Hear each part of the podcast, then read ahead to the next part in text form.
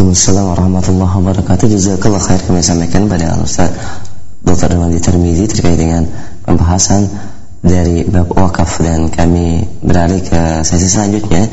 Bagi para pendengar dan pemirsa di Firoja yang ingin bertanya dalam permasalahan wakaf ini silahkan di 021 823 6543. Kami akan angkat dari pertanyaan telepon terlebih dahulu. Silakan. Halo. Assalamualaikum. Waalaikumsalam warahmatullahi wabarakatuh. Dengan siapa Bapak di mana? Dari Pak Munir. Di mana? Silakan Pak Munir. Silakan. Assalamualaikum Ustaz. Assalamualaikum warahmatullahi Mau nanya ini di dalam surat Munir, mohon maaf sebelumnya dikecilkan dulu Pak suaranya ada feedback. Baik radio atau televisi yang Bapak simak. Jazakallah khair. Silakan Pak. Di dalam surat Al Imran ayat 130 uh, di situ dilarang makan riba berlipat ganda.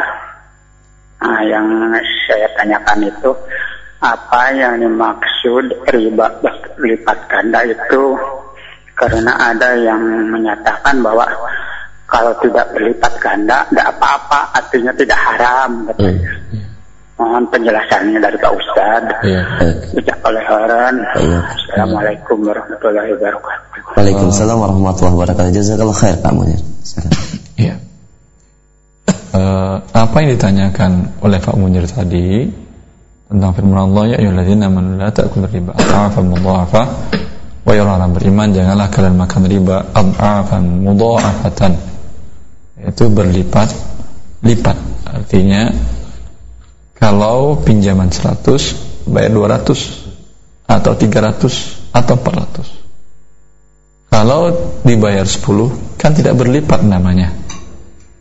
Ya artinya hanya 10%, 6% atau 30% janda deposito Anda pinjamkan uang ke lembaga keuangan konvensional kemudian Anda disepakati untuk mendapatkan riba atau bunga 6% atau Anda yang minjam ke mereka sepakati Anda mendapat, membayarkan bunga atau riba 13% 13% kan tidak berlipat-lipat. Apakah ini termasuk riba yang diharamkan juga atau tidak? Uh, syubhat ini bukan hal yang baru dilontarkan oleh dan dari Hasan Hanafi para pengusung uh, sekular atau para pengusung liberal di Mesir. Kemudian didendangkan kembali oleh para pengusung di negara kita dan negara kaum muslimin yang lainnya. Mereka tidak mengerti cara istinbatul hukum cara mengambil hukum syar'i dari firman Allah dan sunnah Rasulullah sallallahu alaihi wasallam. Pelajari kaidah-kaidah dengan baik kemudian baru Anda berbicara menafsirkan firman Allah sesuai dengan muradillah wa muradi rasulih. Sesuai dengan kehendak Allah dan kehendak Rasulullah wasallam. Dalam ayat tersebut dikenal dalam ilmu usulul fiqh bahwa persyaratan al-mafhum persyaratan mafhum ini kan arti dalam bahasa ilmu usul fikih ada yang dikenal dengan mafhum dan bentuk ya. Dalam firman Allah ya ayyuhalladzina amanu la ta'kulu riba adhafan mudhafa wa yang beriman janganlah makan riba yang berlipat ganda ini mantuknya Allah melarang memakan yang berlipat ganda yang tidak berlipat ganda bagaimana? Itu namanya maskutun an. Maskutun an. Tidak dijelaskan oleh Allah dalam ayat ini.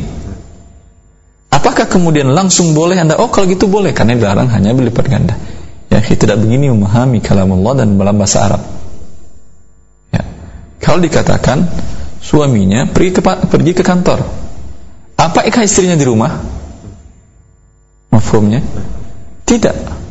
Maka persyaratan mafhum bisa dipakai dan disepakati oleh para ulama usul fiqh bahwasanya persyaratan mafhum yang bisa dijadikan dalil seperti firman Allah wa uh, atim summa siyama ila lail kemudian sempurnakanlah puasa ila lail sampai malam ini mafhumul ghayah Puasa berarti batas malam selesai sudah. Malamnya tidak ada puasa. Ini dinamakan mafhum. Berbeda hukum ma ba'dal ghaya dengan indal ghaya. Indal maghi, yaitu sebelum ila dengan setelah ila berbeda hukumnya. Allah mengatakan sempurnakan puasa sampai malam. Berarti ketika mulai masuk malam tidak ada puasa. Ya. Ini dijadikan hujjah iya. Tapi dengan syarat mafhum dijadikan hujjah dengan syarat alla yu'arid nas. Kemudian alla yakhruja makhrajal ghalib. Persyaratannya pertama bahwa alla yakhruja makhrajal ghalib. Tidak boleh bila mantuk tersebut adalah al-khuruj makhrajal ghalib.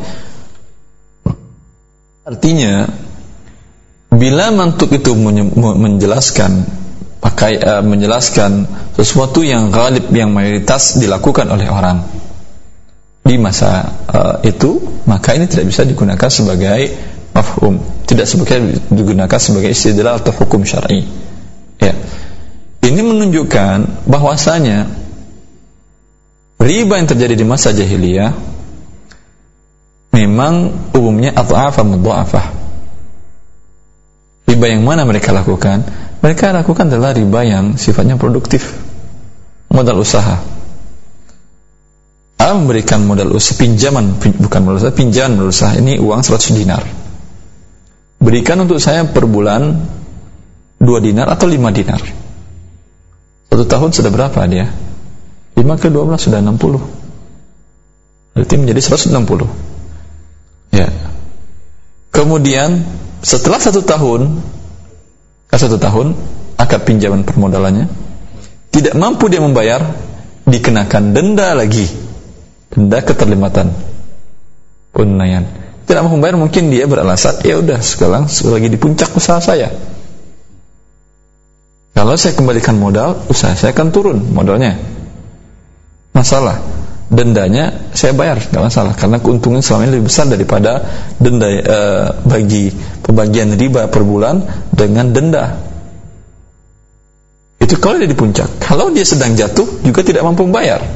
Karena dia harus membayar per bulannya. 2 dinar atau 5 dinar 5% kemudian ditambah terus berjalan denda penalti keterlambatan angsuran. Ini riba di masa jahiliyah di masa Quraisy, kufar Quraisy dan ini juga riba yang ada sekarang. Ya. Di mana ad'afan mudha'afah berlipat berlipat ganda sehingga sudah dapat 60% setahun tadi keterlambatan dia dikenakan 100% lagi dan biasanya riba seperti ini sampai anak dan istri mereka tergadaikan dijadikan budak oleh pemberi pinjaman tersebut itu yang ada di ghalib di masa tersebut dan itu juga ghalib di masa sekarang. Walaupun anda katakan 6% tapi kalau anda pinjam 13% ya. Bila tidak mampu akan terus atau dalam bentuk kartu kredit atau dalam bentuk bank garansi dalam kartu kredit per anda ambil tarik uang tunai per hari itu dari kartu kredit tersebut sudah dihitung ribanya terus tidak jarang kasus saya mengatakan saya menggunakan kartu kredit pokok utang saya. Baru berapa berapa eh, hari yang lalu saya ada yang menanyakan baru dia pokok utang cuma 10 juta. Tapi karena tidak dibayar tidak mampu membayar sekarang sudah menjadi 30 juta. Dan saya kira ini bukan rahasia semua orang yang menggunakan kartu riba ini. Mereka tahu dampaknya. Ya. Ayakhruja makhrajal ghalib. Ketika mensifati kondisi di waktu itu maka tidak ada mafhum. Tidak bisa anda gunakan dalil sebaliknya. Kemudian persyaratan kedua dari uh, mengamalkan uh, al-mafhum ini ada mudha'afah sifat riba adalah dengan maka dengan mafhum sifat mafhum as-sifah. Mengamalkan ini sebagai dalil adalah alla yu'aridu nas bahwa imam tidak boleh menentangi nas yang lain. Sedangkan dalam firman Allah yang lain Allah mengatakan, "Fa in tubtum falakum ru'usu amwalikum la tazlimuna wa la tuzlamun." Allah mengatakan, "Jika kalian bertobat kepada Allah dan tobat meninggalkan riba, maka untuk kalian adalah pokok hutang kalian saja, pokok uang kalian kalian pinjamkan. Apa arti pokok ini? Ini mantuknya, mantuknya jelas.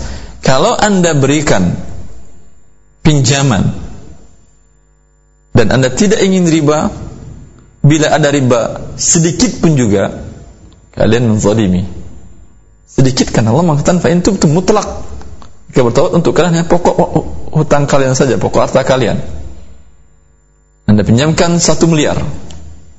Pinjam, bukan akadnya investasi mudharabah atau musyarakah. Pinjam. Beda perbedaannya adalah kalau Anda mengatakan akadnya qard atau pinjam, Anda tidak ada risiko. Kecuali risiko dia tidak mampu membayarkan, maka bisa Anda atasi dengan rohan barang gadaian atau kafir. Ya. Ketika Anda membuat akad riba satu persen umpamanya per bulan atau sepuluh persen per tahun 10% per tahun dari 1 miliar 100 juta ya akhi 100 juta ya atau 13 persen 130 juta. Ini biasanya. Ya. Kata Allah, kata Allah kalau kalian bertobat untuk kalian hanya pokok harta kalian. Berapa berarti milik anda? Cuman 1 miliar. Anda lebihkan 10 ribu rupiah. 1 miliar 10 ribu rupiah. Wajib bayar 10 ribu rupiah. Yang 10 ribu rupiah ini adalah riba karena Allah mengatakan untuk kalian hanya pokok harta kalian saja. Dan mafhum tadi, mafhum dari jangan kalian memakan berlipat ganda riba berlipat ganda bertentangan dengan mantuk. Bila mafhum bertentangan dengan mantuk tidak bisa diamalkan. Jelas ini?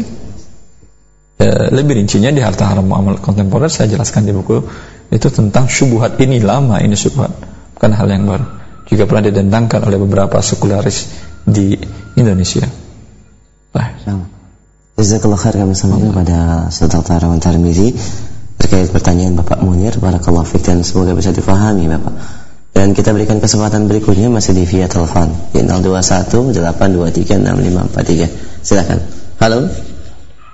Halo, Assalamualaikum. Waalaikumsalam warahmatullahi wabarakatuh. Dengan siapa Bapak di mana?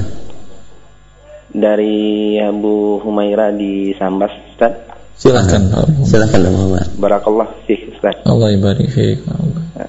Ingin nanyakan tentang pekerjaan ya Ustaz. Ya. Uh, bagaimana hukumnya kita bekerja di salah satu bank konvensional uh, sebagai supir di salah satu bank ya Ustaz. Ya. Apakah termasuk uh, kita memakan riba ya? Iya. Ya, mohon penjelasannya Ustaz. Baik, Bapak. Uh, jazakallah khair. Pak Iyak. Uh, Assalamualaikum warahmatullahi Waalaikumsalam warahmatullahi wabarakatuh. Jazakallah khair Allah. Abu Humairah, Humairah. Baik. Ada Abu Humairah di Sambas dan kepada kaum muslimin yang lainnya yang terlanjur mengais rezeki Allah Subhanahu wa taala dengan bekerja di lembaga konvensional atau lembaga bank ribawi ini dalam bertobat kepada Allah Subhanahu wa taala. Sesungguhnya rezeki Allah luas sekali. Inna ardi wasi'ah, fa inna ardallahi. Sungguhnya bumi Allah luas sekali. Sangat luas sekali. Ya. Dan rezeki Allah jangan Anda cari dengan berbuat maksiat kepadanya. Ya. Bila terlambat rezeki Allah, jangan disegerakan dengan berbuat maksiat kepadanya disegerakan dengan bertawakal dan beristighfar. Qul tastaghfiru rabbakum innahu kana ghaffar yursil as-samaa'a 'alaikum midrar yumdid wa yumdidkum bi amwal bi amwal. Allah mengatakan mengisahkan Nuh mengatakan beristighfarlah kalian hai kaumku kepada Allah. Sungguhnya Allah Maha Pengampun Bila kalian beristighfar kepada Allah, minta ampunan kepada Allah, yang menghambat rezeki kalian adalah maksiat yang kalian lakukan. Allah akan menurunkan rezeki untuk semua manusia. Dengan istighfarnya seandainya seorang anda, rezeki untuk semuanya. Yursil sama alaikum midrala. Allah kirim hujan turun mengairi membawa rezeki menghidupkan tanam-tanaman yang rezeki bagi umat manusia wa yumdidkum bi amwal dan insya Allah memberikan harta kepada kalian. Maka carilah dengan ketaatan kepada Allah dan istighfar kepadanya bila rezeki tersebut terlambat. Adapun pertanyaan khusus tentang bekerja di lembaga keuangan konvensional bagi untuk penulis akad ribanya dan menjadi saksinya yang melewatkan semua lewat semua apa transaksi riba ini maka tidak halal dia bekerja di sana. Sepakat para ulama dalam hal ini. Masirin karena dia memberikan jasa yang haram dan mendapatkan upah dari jasa tersebut. Andai pun dia tidak mendapatkan upah udah saya bekerja di sana tanpa digaji. Tidak boleh dia bekerja di sana. Haram. Berdosa dia. Dan atas dosa ini dapat imbalan maka imbalannya adalah sesuatu yang haram juga. Bagaimana yang kalau tidak langsung? Seperti dia menjadi supir akan mengantarkan pegawainya atau mengantarkan surat menyuratnya atau segala macam yang berkenaan tentang riba tadi. Dia masuk dalam bab at-ta'awun. Masuk bab dalam at-ta'awun al-itsmi ya. Dan bertawakal kepada Allah semoga Allah memudahkan rezeki Anda.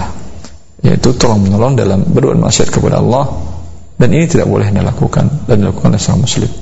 Wabillahi taufiq. Baik, jazakallah khair atas penjelasannya. Demikian Abu Humairah. Semoga bisa difahami dan semoga Allah memberikan jalan keluar dan kebaikan bagi Bapak dan pendengar pemirsa TV Roja. Kami angkat kembali pertanyaan berikutnya sebelum dari pesan singkat satu penelpon kembali. Silakan. Halo. Halo, Assalamualaikum. Waalaikumsalam warahmatullahi wabarakatuh. Dengan siapa? Ibu di mana? Ini dari Umi Safira di Jakarta. Silakan Ibu Safira. Iya. Ini uh, Pak Ustadz mau Iya. tanya. Dulu tuh mertua saya kan punya warisan. Iya. Terus ini dia itu dapat bagian. Terus dia itu loh jujuli apa ini ngas beli punya adik-adiknya. Sebentar, sebentar ya, Mas, sebentar. Mertua ibu Heeh, Meninggal? Punya warisan. Punya warisan. Terima warisan? Meninggal. Iya belum meninggal. terima warisan dia. Dia dapat bagian. Baik, terus pas bagian itu dia itu beli punya adik-adiknya bagiannya itu. Ah, jadi ini hak warisan dimiliki oleh dia dan adik-adiknya, adik-adiknya dia dibayarin dia. iya sama tua saya. Terus? Pas itu dia bangun rumah. Ya. pas mertua saya meninggal rumah itu mau dijual sama anak-anaknya. Tahu-tahu itu tanahnya tanah wakaf Pak Ustaz. Pas itu katanya yang mau beli itu katanya hitungnya bangunannya aja soalnya ini tanah wakaf nggak bisa dijual Allah. itu hukumnya gimana Pak? sebentar Ibu, yang tahunya tanah wakaf kenapa tahu-tahu? itunya apa dari eh, Badan Pertanahan dari itunya apa namanya surat warisannya itu surat rumahnya kan yang megang keluarganya eh, jadi kakeknya suami saya Oh, gitu jadi kakek waktu itu sudah mewakafkan. Ya nggak tahu jadi mertua saya mungkin nggak tahu Allah alam. ya Eh, itu hukumnya gimana Baik Ibu, ya, ya. ya makasih Bos Ustaz Iya, Bu. jazakallah khairan. Assalamualaikum Salam. Assalamualaikum warahmatullahi wabarakatuh. Allah taala alam. Kalau kasus seperti ini tentu eh, tidak cukup di on air atau eh, live, tapi harus eh, dibawa ke pengadilan. Sejauh mana masa anaknya tidak tahu bahwa itu wakaf sehingga menerima warisan dan sudah dibagi sudah dibayarin. Ya. Dari mana surat wakafnya? Siapa yang menerbitkan? Ya, hanya itu saja pertanyaannya. Eh, jawabannya dari saya sehingga bisa menjelaskannya. Tapi karena khawatir ya, ada yang membuatkan surat wakaf tanpa izin mereka. Tapi kalau memang dari awal mereka dan bapak mereka kakek dari dari bapak dari bapak mertua kakeknya suami beliau ibu ini ya kalau dimewakafkan tentu sekurang-kurangnya anak-anaknya tahu. Ya. Karena la yuras wa la yuhab. Eh, maka dalam kasus seperti ini jangan jual dulu baik tanah maupun rumahnya. Ya. Kemudian cek kebenaran tanah wakaf tadi. Bila benar dan ada saksi saksi. Umpamanya kakek punya adik yang masih hidup. Oh iya dia pernah ngomong dia wakaf. Cuma saya nggak tahu dia mengusin surat atau tidak. Ya. ada qarain. Kalau saksi adalah man- manusia. Laki-laki muslim balik berakal dan adil tidak fasik. Dia mengatakan iya dan minimal dua. Kalau iya sudah lepaskan. Lepaskan ya yaitu wakafnya untuk apa? Kalau untuk Allah kalau sebagai pada wakafnya juga zali tapi Allah Ta'ala alam. Jelas tidak boleh diperjualbelikan. Cek dulu dengan baik. Anda memang ini wakaf ya seperti tadi maka lepaskan hak. Dan jangan dijual. Dan jangan dijual rumahnya saja. Karena akan dikuasai oleh pembeli juga. Akan dikuasai oleh tanahnya pembeli juga. Padahal apakah tanahnya uh, uh, atau seperti ini hanya ambil rumahnya. Kalau memang ternyata wakaf ambil rumahnya. Ambil rumahnya itu dihancurin atau dirobohin dan jadikan atas kalian diwakafkan rumahnya. Untuk umpamanya al khair seperti untuk al khair hukum asalnya Indonesia umumnya mereka hanya mengetahui wakaf khairi ya. Allah taala alam. Baik, saja kalau atas penjelasannya. Demikian Om Safira. Ya semoga bisa difahami uh, dan mungkin bisa dicari lebih secara perinci tentang siapa yang mengeluarkan surat wakafnya. Para fiik. Kami akan pertanyaan berikutnya dari pesan singkat. Assalamualaikum warahmatullahi wabarakatuh. Uh, Maksud tadi dikatakan bahwasanya wakaf manfaat dari tanah atau sawah, ladang dan kebun yang diwakafkan kepada saudara yang miskin. Artinya lebih dari satu uh, tanah ataupun sawah ataupun kebun tersebut untuk menghasilkan tentunya perlu digarap dan perlu modal uh, yang dikeluarkan. Lalu siapa yang menggarap dan memberi modal tersebut? Mohon penjelasan teknis dari wakaf manfaat itu. Ya, Assalamualaikum khair. wakaf kalau tanah kalau ruko kan gampang rumah gampang tinggal disewakan kalau tanah juga gampang sawah juga gampang. Disewakan tanahnya ini. Ya. Sudah menggarap ya. Anda minta siapa yang mau menggarap silahkan baik dari keluarga siapa pun terserah. Tetapi sewa tanah ini. Sewanya imma dengan jumlah uang yang tetap anda mau menggarapnya berapa setahun? Sewa setahun namanya satu hektar tanah ini sekitar 20 juta umpama ya. Atau sewa tanah ini dari sepertiga hasil. Nah makan juga dengan muzara'ah atau seperdua. Ya saya menggarap terserah. Uh, dan nanti insya Allah akan kita bahas lebih rinci lagi bahwa dalam wakaf harus ada nazir. Bila tidak wakif yang berwakaf tidak menunjuk nazir atau pihak pengawas maka dikembalikan kepada hakim atau waliul amr dalam hal ini adalah departemen agama. Jazakallah khair atas penjelasannya demikian. Bagian yang bertanya barakallahu fiik.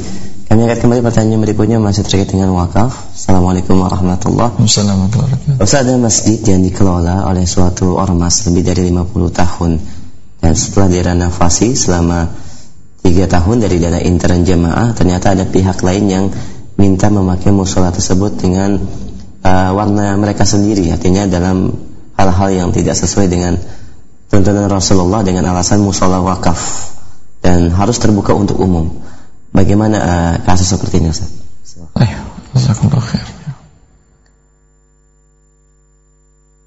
Wakaf bukan milik ormas. Bukan juga milik sampai milik mewakafkannya pun tidak. Dia menjadi milik Allah. Wa annal masajida lillah masjid-masjid adalah milik Allah. Bukan milik umum kata siapa milik umum Allah yang mengatakan Al-Quran masajida lillah. Masjid milik Allah bukan milik umum. Dan orang yang mewakafkannya bukan mewakafkan untuk umum. Manfaatnya ya untuk umum betul untuk umum. Tapi menjadi milik Allah. Keluar dari kepemilikannya menjadi milik Allah. Maka orang yang merampas berarti merampas wakaf, merampas milik Allah. Ya. Maka karena dia milik Allah, Allah mengatakan fala tad'u Allah ya hada. Maka jangan seru selain Allah baik di rumah Allah maupun di luar rumah Allah. Ini mafhum juga. Kalau Anda mengatakan bahwa mafhum tadi langsung boleh kita mengamalkan berarti di sini ayat ini maksudnya masjid milik Allah maka jangan seru bersama Allah dalam masjid tersebut kalau seseorang pun juga tidak boleh berkesyirikan di masjid di rumah boleh Tidak. Kalau orang yang sek- sekedar tidak mengerti istinbatul hukum atau masih mengerti tapi mencoba mencoba untuk merusak eh, syariat Allah tidak cocok lah ya. Apakah boleh anda mensyirikatkan Allah di luar masjid? Tidak juga. Karena ini ya yakhruju makhrajal ghalib atau mimbab kias aulawi. Ya, kalau di luar saja anda tidak boleh mensyirikatkan Allah, apalagi sekarang di rumah Allah berbuat sesuatu maksiat kepada Allah. Ya. Apakah kemudian boleh bermaksiat di rumah? Tidak. Tetapi kalau anda berbuat maksiat di rumah anda, ya, dosanya berbuat maksiat di rumah Allah lebih besar di rumah Allah Subhanahu Wa Taala. Ya. Maka jangan berikan kesempatan kepada orang yang berbuat maksiat kepada Allah di rumah Allah Jalla fi'ula. Ya. Anda termasuk bila Anda berikan atau dipercayakan sebagai nazir, sebagai pengawasnya, bila Anda berikan kepada mereka kesempatan untuk berbuat maksiat kepada Allah di rumah Allah dengan sesuatu yang tidak dituntunkan oleh Allah dan Rasulnya untuk mereka lakukan di sana, ya, termasuk melalaikan pengawasan dalam hal ini. Baik. Allah. Jazakallah khair atas penjelasan dan jawabannya demikian bagi Anda yang bertanya terkait dengan permasalahan tersebut. Barakallahu fikum. Kami berikan kembali kesempatan di via telepon silakan di 021 823 6543. Halo. Ya, silakan. Halo. Assalamualaikum Ustaz. Waalaikumsalam Waalaikumsalam warahmatullah. warahmatullah. Dengan siapa Bapak di mana? Dengan Abdullah di Lampung Ustaz. Silakan Pak Abdullah. Abdullah, Abdullah. Eh, ini Ustaz, saya mau tanya. Di tempat saya ini ada lagi pembangunan pondok pesantren. Iya. Terus dalam pembangunan itu mereka terhutang di sebuah toko bangunan Iya. yang nilainya cukup lumayan. Iya. Nah, bagaimana kalau saya bayarin hutangnya itu dengan zakat mal saya itu boleh nggak Ustaz? Iya. Baik. Ya, terima kasih Ustaz. Assalamualaikum. Waalaikumsalam. Assalamualaikum. Ya, pertanyaannya jelas. Abdullah menanyakan dia ada zakat mal. Hmm. Bolehkah dia salurkan zakat mal ini untuk membayarkan utang pondok pesantren untuk pembangunan untuk pembelian material yang dihutang? Hmm. Bolehkah atau tidak? Jawabannya tidak. Karena Allah mengatakan, "Innamas shadaqatu lil fuqara'i wal masakin wal 'amilina 'alaiha wa fir riqabi wa bisabilillah wa ibnis sabil faridatan min Allah." Ini ketentuan dari Allah bahwa zakat hanya boleh untuk delapan asnaf. Dan tidak ada di sana pondok pesantren. Kalau anda katakan masukkan fisabilillah. Ya. Fisabilillah. Sepakat para ulama maksudnya adalah jihad. Dan khilaf mereka tentang maknanya. Bolehkah ini makna khair semua jalan kebaikan? Pendapat yang terkuat Jumhur para ulama tidak boleh dipalingkan maknanya. Dari makna zahir kepada makna Al-Mu'awwal. Yaitu seluruh jalan kebaikan. Karena bila anda maksud ke seluruh jalan kebaikan Maka anda anda menuduh Allah bodoh Kenapa tidak? Kalau ini jalan kebaikan, bukankah semua yang dari awal Allah jelaskan satu persatu semua jalan kebaikan atau tidak? Ya. Fakir, miskin, gharimin, amil, riqab, ibnu sabil. Bukankah mereka juga jalan kebaikan? Lalu kenapa Allah rincikan satu persatu kemudian ada satu ayat semua jalan kebaikan? Kalau saja orang-orang orang manusia berkata seperti ini tidak kalamnya tidak balik. Perkataan dia tidak cerdas. Maka ini menurut Allah Subhanahu wa taala. Allah tentukan. Ketika Allah rincikan berarti maksudnya hanya khusus ini. Ya. Dan Dr. Abdullah Al-Ghafairi dalam disertasi beliau berjudul An-Nawazil fi Ahkam Zakat permasalahan-permasalahan kontemporer dalam masalah zakat beliau mengatakan dan menjelaskan dan merincikan dan menegaskan bahwa zakat tidak boleh untuk subudul khair seperti ini kecuali kecuali bahwa di sana tidak ada lagi kajian keislaman. Tapi kenapa bikin pondok? Bisa anda membuka kajian keislaman di masjid. Ya. Bisa di masjid maka ini alasan yang tidak tepat. Kemudian memang saya lihat kecenderungan eh, sebagian pengelola sekolah Islam atau sebagian pengelola masjid gaya mereka dengan gaya berhutang. Ya.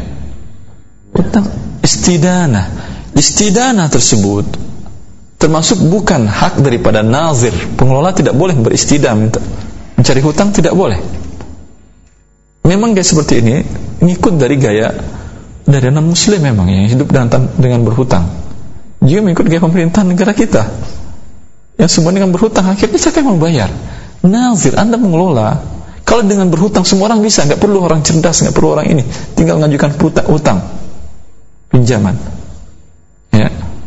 Rasulullah SAW membangun masjid yang pertama. Apakah dengan hutang? Hmm. Beliau membangun rumah beliau. Apakah dengan hutang?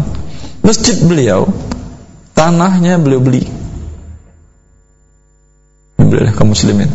Kemudian bangunannya, kalau hujan masuk air dalam hadis tentang Lailatul Qadar bahwa beliau sujud di atas tanah yang berair basah hujan bocor. Ada rumah beliau di rumah Ustaz bocor atau tidak? Yakin tidak? Ya tidak bocor seperti itu. Ya padahal Rasulullah kalau ingin berhutang bisa atau tidak? Mampu untuk berhutang. Dan banyak akan memberikan pinjaman kepada apa? Untuk masjid. Tapi membuat adanya kapan Rasulullah berhutang? Ketika perang jihad itu iya Padahal pesantren tadi tidak daruriyat sekali. Maka rubah gaya atau cara berpikir untuk selalu hidup berhutang. Baik mengelola rumah tangga, mengelola uh, masyarakat, mengelola uh, yayasan sosial, sampai pengelola negara. Ya, sampai pengelola negara. Dan bahkan Asyatiwi menjelaskan dalam Li'atisam bahwasanya dan ini beliau menukil sebelumnya dari Al-Ghazali bahwasanya sebuah pemerintahan Islam. Ya. Tidak dibolehkan berhutang bila tidak diharapkan bahwa tidak ada aset yang dijaminkan oleh negara dan tidak ada diharapkan pendapatan yang akan dapat. Yang diriwayatkan dari Rasulullah pernah Abbas Al-Abbas seorang pedagang kaya paman Rasulullah SAW itu Rasul dia menyerahkan zakat untuk dua tahun ke depan. Zakat di depan untuk membiayai perang untuk kepentingan kaum muslimin. Ya. Ini memungkinkan sesuatu yang akan diharapkan memungkinkan. Dia berhutang tidak dianjurkan. Ya. Kemudian dan zakat mal tidak bisa untuk tadi kecuali kondisinya kondisinya darurat. Tidak ada masjid tidak ada sarana umum di mana kaum muslimin bisa beribadah kepada Allah. Ya dan tidak ada wakaf. Ya maka dari zakat mal boleh tapi bukan anda yang membeli. Ini yang dianjurkan solusi oleh Dr. Abdul Ghafiri dalam disertasi beliau tersebut. Serahkan ini kepada fakir miskin kepada mustahiknya gharimin Ami dan lain-lain. Kemudian himbau mereka. Sekarang kan mereka terima uang kan? Himbau mereka himbau untuk menyerahkannya untuk pembangunan masjid. Saya kata masalahnya? Anda tidak menentang kita belum Rasulullah dan tidak menentang ijma para ulama kesepakatan para ulama tetapi tercapai yang diinginkan. Ya. Tapi jangan potong langsung. Kalau potong langsung kan belum anda serahkan. Karena ini adalah milik mereka. Milik hanya sekedar menghimbau. Tapi udah kalau gitu bisa dipotong langsung nggak usah. Ini zakat kalian A, B, C, D dan segala macam. Udah kalian potong ya bikin masjid. ini motong namanya belum serahkan kepemilikannya. Serahkan uang kepada dia, diterima dia, baru dihimbau. Karena zakat adalah tamlik. Allah mengatakan nama sadaqatu lil fuqara wal masakin. Milik. Namanya tamlik bukan dia. Li ikhtisas bukan dita'lil. Wabillahi taufiq. Baik, jazakallah khair atas penjelasannya. Soal satu lagi. Baik. Kita berikan satu kesempatan kembali di penghujung kajian satu pertanyaan di via telepon silakan. Halo. Ya, silakan. Halo. Assalamualaikum warahmatullahi wabarakatuh. Waalaikumsalam warahmatullahi wabarakatuh. Dengan siapa Umu di mana? Dari Ibu Nur Mansuri di RT Baik, silakan Umu. Uh, Assalamualaikum Ustaz. Assalamualaikum warahmatullahi wabarakatuh. Begini Ustaz, ya. salah seorang dari dari uh, keluarga kami dia bekerja sebagai seorang PNS. Ya. Jadi dia setiap menerima gajinya sebulan taruhlah gajinya umpamanya kita tiga atau empat jutaan. Ya. Katanya dia cerita mengeluarkan zakatnya tiap bulannya. Apa itu sudah benar atau gimana Ustaz? Terima Iya. kasih. Assalamualaikum warahmatullahi wabarakatuh. Ya. Jelas, zakat dari gaji yang terima 4 juta eh, setiap bulan dia keluarkan zakatnya. Benar atau tidak? Jawabannya tidak kecuali kecuali dia memiliki harta uang rupiah yang dalam tabungan sampai satu nisab. Sehingga setiap menerima masukkan ke dalam nisab ya. Dan nanti ketika di akhir tahun dihitung lagi. Karena persyaratan zakat adalah sampai satu nisab. Kalau dia cuma memiliki harta uangnya cuma 4 juta dari gaji ini saja setiap gaji 4 juta dan habis 4 juta habis, tidak ada kewajiban zakat. Kalau dia mengatakan ini saya niatkan zakat, tidak sah zakatnya. Nanti dihitung lagi kalau dia memiliki hartanya. Yang ini yang di- ini yang direkomendasikan oleh Muktamar para ulama sedunia pertama tentang zakat di Kuwait pada tahun 1464 Hijriah pada bulan Rajab di mana mereka menyatakan bahwa secara aklamasi hampir seluruh yang hadir para ulama tersebut menyatakan bahwa zakat profesi tidak ada. Kecuali sampai nisab dan sampai haul. Kecuali ada mereka nyatakan ada dua atau tiga di antara yang hadir keluar dari pendapat mayoritas tersebut. Keluar dua atau tiga men- menentang 300 orang. Dan mereka sederajat para ulama sebenarnya. Sampai pun Dr. Rasul Qardawi beliau mengatakan memang beliau mengatakan zakat tidak menunggu haul tetapi beliau mewajibkan yang diterima itu sampai satu nisab nisabnya berapa? kata beliau nisabnya adalah emas 8 nisab 85 gram emas artinya kalau anda terima gaji sekarang 50 juta rupiah itu menurut Al-Qardawi baru ada kewajiban zakat keluarkan 2,5 persen langsung saja langsung. Tapi kalau menurut mayoritas para ulama internasional yang bergabung yang hadir dalam muktamar tersebut mengatakan tidak ada sampai setahun ke depan. Bila masih sampai setahun dikeluarkan, bila tidak tidak. Kira jelasnya insya Allah biasanya kita ulang-ulang dan saya kira rekaman tentang zakat fik- zakat ada kan tentang zakat Allah yang baik demikian umum yang bertanya terkait dengan zakat profesi dan ini juga menjadi jawaban jadi dari beberapa pertanyaan yang sama via pesan, pesan singkat. Alhamdulillah barakallahu fiik. Dan di penghujung kajian seperti biasa mungkin kesimpulan sementara. Jazakumullah khair bahwa wakaf adalah mengeluarkan kepemilikan harta yang kita miliki menjadi milik Allah dan manfaatnya manfaatnya adalah untuk kepada siapa yang kita syaratkan. Bisa jadi untuk diri sendiri selama hidup, bisa jadi untuk kerabat kerabat yang fuqarul masakin, bisa jadi juga untuk adalah jalan-jalan kebaikan. Ya dan semoga bermanfaat dan semoga kita mendapatkan kebaikan dijanjikan oleh Allah Subhanahu wa taala dengan mewakafkan apa yang kita cintai. Assalamualaikum warahmatullahi